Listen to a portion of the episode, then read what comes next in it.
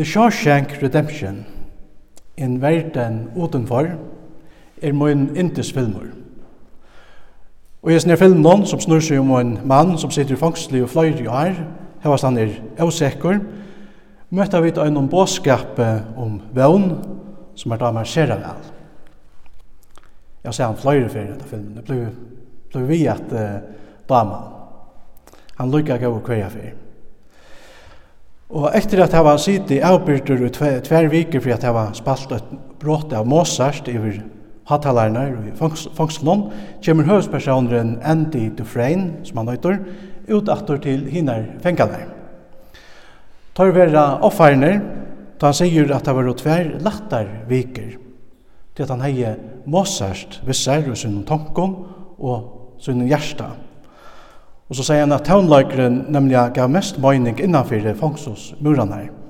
Til at tånløkeren hjalp jo noen til at minnast. At han funnet stå og i heimen noen som ikkje var gjørt av murstøyne. Og at han fanns der sted innan ui og noen sjalvån som ønsken kunne nesta vi. Nekka som han åtte fyrir seg sjalvan. Nemlig av vannene om at han fanns en vær utanfyrir disse murene her. Og det var nemlig vånen om verden utanfyrir fangstosmurarna som gjaldt Andy Dufresne og gjøknon hesa verina innanfyrir murene. Tjattnobåskaperen og i filmen er så start at vevnen er det beste som vi har. Vevnen.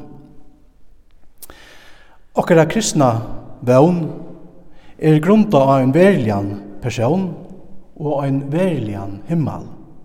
Nokka som vevnen tja er fenga noen enda ut frein, og som var grunda av en verlian heim utanfyr fångsåsmurene. Eller kanskje rettare sagt, en verlian boi utanfor murene. Vånen som enda ut frein heie innanfor murene, var nemlig grunta av en avvisan mexikanskan boi utanfor murene, sier Wataneo, som han eit. Her er nudj og gau, byrjan, var gjørlig fyrir hentan mannen. Vi hesson vil ikke sige at heimren er et fangsel som man bare skal glede seg a koma til ur. Tverstur møte vil jeg understryka hvordan større antydning himmelska vevnen hever fri okkara liv her og nu.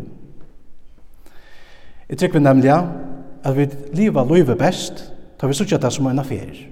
En affær til himmels. Og livet her og nu er en pastor av feriene. Men så vi synkja øynastane, Ferren endar og her, men til himmels, ta ber, til det heimland som Jesus mer vann. Etter ikkje verilaga flytjan, Første møte er etta å få samband vi livsens djupa sannløyga. Nemlig at vi ikkje hava en verande sted her av folk. Men at det finst en kommande stedvor som vi øye at rett okkon fram og møter og i okra livet. Ella som det stendur skriva innan stane, og i Hebrearbraunen, til at vi tar her ikkje verande sted, men vi søkja den kommande. Og etter høysen til så vi tar sunnkjum, tøyen renner som streimer jo, fram og i Herrans navne, luttlom bakte er ja, himnastrond fyrir stavne. Og i Johans evangelion har vi torst Jesus sier, Og i færismens hus er det mennesker bostæger. Vær det ikke så, har jeg sagt det kun til han. Til at jeg færer bostur at tilbyggva sted for etikken. Og ta er i færen bostur og heve tilbyggva sted for etikken, kom i attor og skal tekka tikkun til mun til tess at her som jeg er skulle tid øysene vera. Som kristen er vi færande og himnastrond er fyrir stavne. Ofta løngjast vi etter gos nærvero og i hinnon heilega bøyinon, som Jesus nu er i holdt vi at tilbyggva æsne fri okkom. Og til er nekver salmar og sanger som er skriva i omhentan himmel langselen. Til dømes, er stundi etter at lenda er heima, er kasta atjer og i himmelen og kjøtt.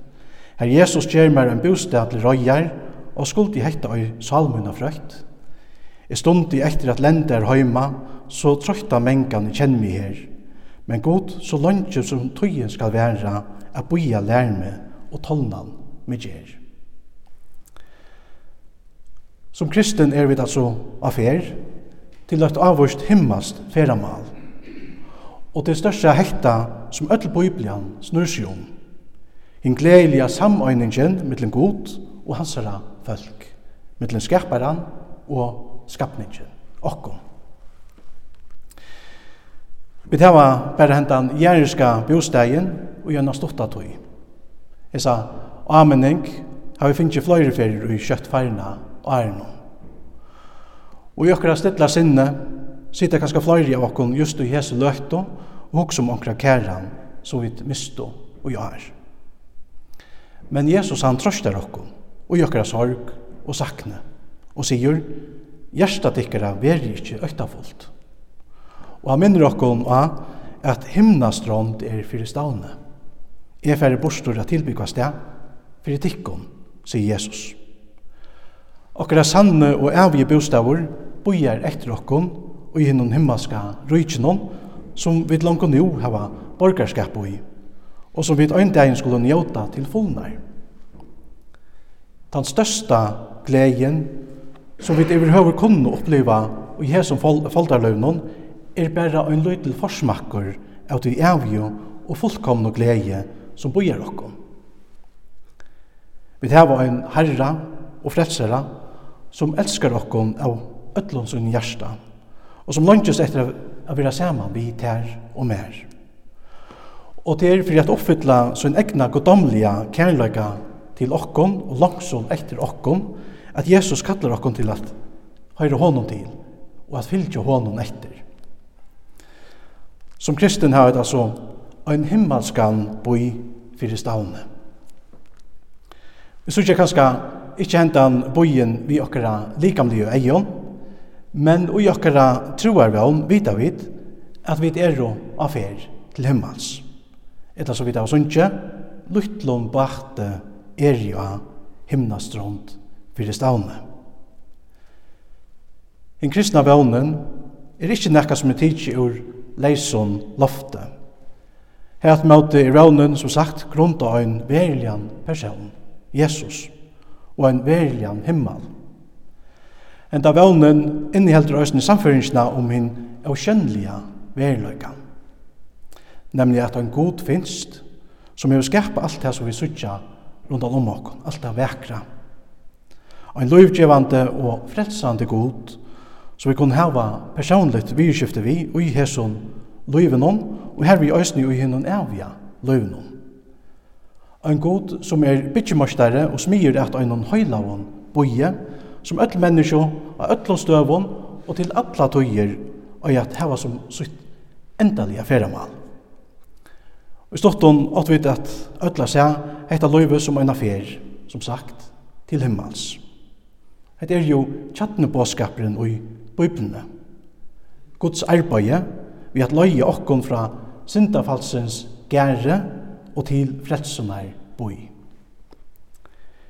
Det er Guds nærværa som gjør dette feramalet til nekka holdt særligt. Det er godt han hever jo skapt okkon til sin sjåls. Og tog nå er det også okkar haksta mal som Guds skapningar, som menneskjon, tar vi det samme vi okkara skapara. At njóta hansara nærveru er den øynasta glegen som kan nok nøkta mannasalna til fullnær. Og hetta samsvarar østnum við tað som kyrkjefærin Augustin sier, og som jeg ofte har endurgivet, her han sier, to god hever skapa okkur til sin sjåls, eller til din sjåls, og okkur gjørstu hava ongan fri, til det finna fri og i tær.» Det finst ikke betur å bruke sin tøye på, enn a ferast etter venun som fører til hinna av jo sælna, heima og himle. Her öll okkara innskje vera oppfyllt og ønskje vandi her for å missa gleina aktor. Lukka som Abraham, og jeg vit til òsni at jotta at vi er og utesektar og fremmandir her og gjør, og at vi stunda etter øynon fedralande og en boie som ikkje er av hese ver. Og i fjallapratikene sier Jesus, de kjente årene. Savnet ikkje ikke griper av folton, her som møller og rustur ekta, og her som tjauar bråte inn og stjala. Men savnet kun griper i himle, her som kvarsi mølur eller rustur ektor, og her som tjauar ikkje bråte inn og stjala. Det er her som griper tøy ned, her man òsne hjarta tøyt vera. Hvert er okkara største langsel? Hver sanna vit okkara griper? Havast vi elska allar tær tøymlige gavunar som vi sleppa at njóta og Jesu løyvnum, så øye okkar eie korsne alltid sutja langur fram. Her vid vi troarinnar eion kunne sutja stegin og fellesskapen som bojar okkom heima og i himla. Jesus han er jo i halvt vi har bytja nekka helt særligt til okkom, som er av endalega nekv vekrare enn nekka som vi til koma sutja her av folk. Som kristen har vi altså en asera vøvnryka framtøy. En livande vevn. Og okkara særmerkje som kristen og i tog oss nye vera, at vi er menneskje som lyder at framtøyene vi vevn. Vi tar ikke at vera så bunden at okkara gjerresko og tøymelige åkn, at vi misser okkara himmelska heim ur eksjon. Her at måte øya vi tar bruka etter løyve som en affær til himmels. Og i andagsbøkene saman i Jesus, her stendta såleis. Hesen søgnaste dævren og i det gamle ærenon skal minne okken av at tøyen gonger og at vi er avvis møte Guds evnløyga. Og det er nekka godt og gleiligt som vi er å vet til. Og vi affærene er Jesus. Det er godt.